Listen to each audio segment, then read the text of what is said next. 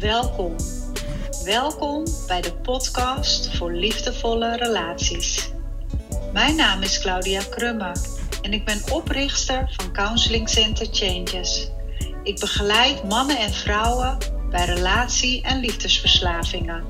Ik ondersteun mensen bij het loskomen van verslavende relaties, verlatingsangst, bindingsangst en codependency. Welkom, lieve luisteraar, bij mijn zondagse podcast van Leed naar Liefde. Deze week ehm, doe ik een kleine herhaling over de podcast van vorige week. Er zijn nogal wat vragen binnengekomen naar aanleiding van de podcast uh, Moeite met huilen. En ehm, ja, ik denk laten we gewoon een deel 2 doen.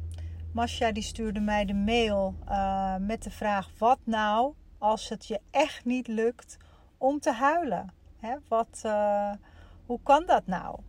Ze schrijft: uh, Ik had daar nooit moeite mee. Echter, sinds ik vorig jaar mijn relatie verbrak, wel. Hoe kan ik nu bij het huilen komen? Of heeft dat te maken met toch niet volledig er doorheen durven gaan?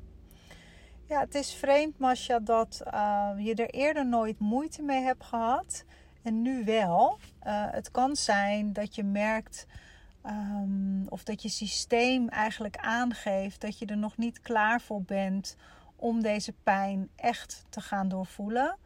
Dus er zit nog een blokkade of een bescherming in de weg. En iedere bescherming, he, iedere overlevingsstrategie, die heeft een functie. En die heeft een positieve intentie, zoals wij dat noemen. En dat betekent dat er dus waarschijnlijk een reden is.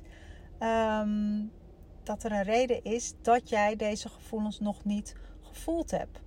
He, dus je mag erop vertrouwen dat wanneer het voor jou tijd is om deze gevoelens te gaan verwerken, dat um, de tranen zich vanzelf zullen aandienen. Wat verder nog bij mij opkwam, is uh, dat het heel belangrijk is om je veilig te voelen. Veilig bij jezelf. Uh, en als je het wilt delen met een ander, ook veilig bij de ander. Wij als codependents en relatieverslaafden, die hebben vaak een onveilige basis gekend. Een onveilige opvoedingssituatie.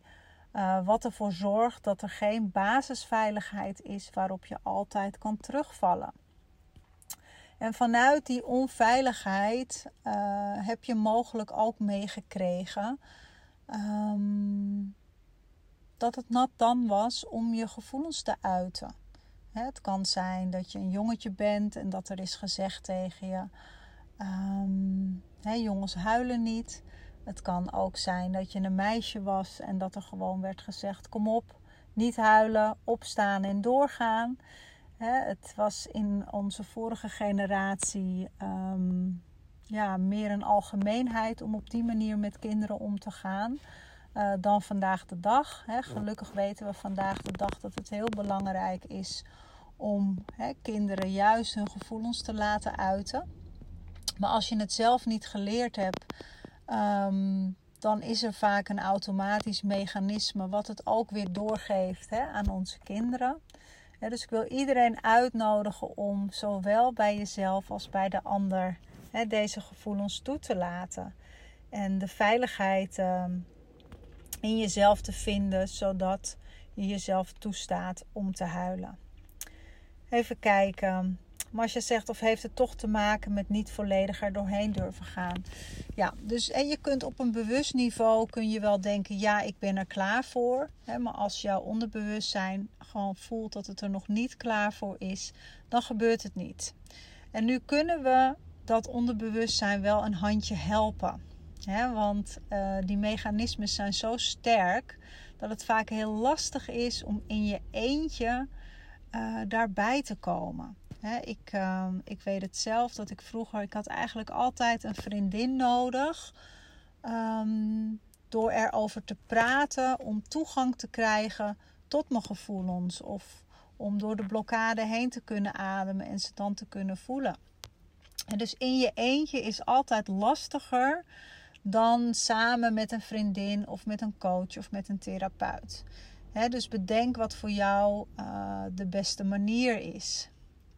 We zien het ook vaak in onze ademretreats en ademseminars. Uh, het verbonden ademwerk is een hele mooie tool, een hele mooie zelfhelende methode, die je dus helpt om bij ja, gesloten gebieden, als het ware, bevroren gedeeltes, die liggen opgeslagen in jouw bewustzijn, in jouw lichaam, om die naar de oppervlakte te laten komen, simpelweg door er naartoe te ademen. En ehm, ja, dat, dat is heel erg mooi en dat is ook heel fijn dat er een tool is wat jou helpt om wanneer je in je buik gaat ademen op een verbonden manier, dat de gevoelens gewoon vanzelf naar boven ploppen. Dus in 90% van de gevallen is dat zo. Hè? Dat die gevoelens gewoon heel makkelijk naar boven borrelen. Simpelweg omdat je in gesloten gebieden gaat ademen. Hè? Er zijn heel veel mensen die dus niet vanuit het middenrif ademen. Dus niet gewend zijn om naar hun buik toe te ademen, maar heel hoog in het hart zitten. En wanneer ze dan vanuit dat middenrif gaan ademen en helemaal de bekken in gaan ademen, dan plopt die buik als het ware open en dan komen die gevoelens zo naar boven borrelen. Nou, dat is geweldig, dat is heel fijn dat we dat tool hebben. En toch is er ook zo'n 10% bij wie dat niet gebeurt. He, bij wie de overlevingsstrategie zo sterk is dat het vaak nog even duurt voordat uh, de persoon veilig genoeg is om um, die gevoelens toe te kunnen laten. Nou staat die veiligheid heel erg. Um, uh, die over, die kom, komt heel erg overeen met een buikademhaling dus de veiligheid die zit als het ware in dat gebied. dus door heel diep vanuit dat middenrif je bekken in te ademen, ontwikkel je als het ware weer opnieuw om die basisveiligheid uh, bij jezelf te ervaren. En zachtjes aan um, ja, pel je dus eigenlijk die ui, hè, als je jezelf, je lichaam, je bewustzijn als metafoor kan zien hè, als een ui, dan pel je dus laag voor laag uh, jezelf af. Hè. We noemen dat ook wel het ontmantelen, het ontwikkelen. En kom je uiteindelijk dus bij die, ja, bij die blije plek, hè, die plek van vreugde en liefde. Maar daarvoor moet er wel eerst een heleboel gebeuren. Daarvoor moet je eerst een heleboel lagen door. En dat zijn ook vaak lagen van verdriet, lagen van machteloosheid, hulpeloosheid, gevoelens van afwijzing, uh, verdriet, traumatische gebeurtenissen, noem maar op. dus we zeggen vaak de dijken gaan los tijdens zo'n seminar. Uh, wanneer iemand heel lang moeite heeft gehad om um, zijn gevoelens toe te laten, dan komt er altijd zo'n moment waarin dat toch gebeurt. En als het dan gebeurt, ehm, dan is het ook eventjes niet meer te stoppen. En dat is ook heel fijn om jezelf daar dan aan over te geven. Dat is echt een cadeautje. Er zijn heel veel mensen die heel graag willen huilen en die dat niet lukt. En eh, als het dan wel lukt, dan is het een cadeautje om jezelf toe te staan, om daar even helemaal in. Ehm, ja, in los te gaan. En dat helemaal volledig in al zijn emoties te ervaren. Ja. Even kijken hoor, naar het mailtje van Masha, wat ze nog meer zegt. Ja, nu er momenteel uitvergroot kinder-jeugdpijn omhoog komt, überhaupt alle trauma's. Uh, in je podcast herken ik over somberheid en daarmee ook fysieke klachten erbij dus in mijn maag, op druk op mijn borstkast. dus die voelt ze wel, alleen het is nog steeds lastig om bij dat verdriet te komen. Dus het is al geweldig, Masha, dat je die fysieke sensaties, die druk op de borstkast, die tintelingen in de buik, dat je die wel al kunt waarnemen. Want dat betekent dat je er heel dichtbij zit. En dat je nog een klein beetje ondersteuning nodig hebt van um, nou ja, een, een, therapeut, een coach, een vriend, vriendin die jou kan helpen om, ehm, om daar ehm, toegang toe te krijgen. dus ik wil je uitnodigen om daar gewoon eens mee te oefenen of een afspraak te maken. En dan niet met een therapeut of een psycholoog die alleen maar cognitief werkt. Maar ehm, met iemand die echt gewend is om lichaamsgericht te werken. want op het moment dat je alleen cognitief werkt, dan blijf je eigenlijk maar bezig met de overtuigingen. En dan zit je nog niet die laag dieper in dat lichaam. En we willen juist ehm, die cognities en die gevoelens met elkaar integreren.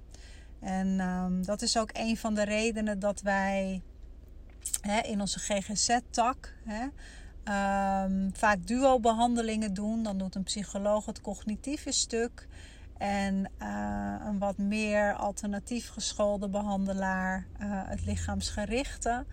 En zo kunnen we dan toch vanuit die verschillende invalshoeken um, zowel de overtuigingen transformeren als uh, ja, de gevoelens, de dieper liggende gevoelens, de oude wonden, daadwerkelijk doorvoelen, integreren en dan loslaten, zodat er ruimte komt in je lichaam om weer te genieten van het leven. Zo, eens even kijken of ik de hele vraag nu beantwoord heb. Ja, maar als je zegt, ik voel dat er dingen uit willen. Ik voel ook, althans zo lijkt het, dat het zoveel is. Of de angst daarvoor dat ik het daarom niet bij kan. Ja, het is heel fijn om dat ook in een veilige setting samen met anderen te doen. Een, een therapeut is vaak even tijdelijk een nieuw vertrouwenspersoon, hè, omdat je die basisveiligheid niet hebt meegekregen, hè, is een therapeut een tijdelijke ja, surrogaat, vader of moeder. Um, en dat stopt op een gegeven moment ook weer, hè, want we willen natuurlijk niet dat je afhankelijk wordt van je therapeut. Uh, maar tijdelijk um, die taak overnemen is, is helemaal prima. En dat zorgt ervoor dat je je dus opnieuw kunt gaan hechten. dat is ook op het moment dat je een veilige partner gaat aantrekken en je hebt zelf nog wat onveilige ehm, hechtingsstrategieën, dan kan het zijn dat je dus doordat je nieuwe ervaringen opdoet met een gezonde partner, uh, dat je op die manier je hechting heelt. Nou, datzelfde proces vindt plaats hè, tussen jou en een uh, behandelaar, hè, waarin je dus de veiligheid weer bij jezelf en bij de ander gaat vinden. Dat je leert hè, dat er ook mensen zijn die je kan vertrouwen. En um, ja, zo doe je nieuwe ervaringen, nieuwe helende ervaringen op.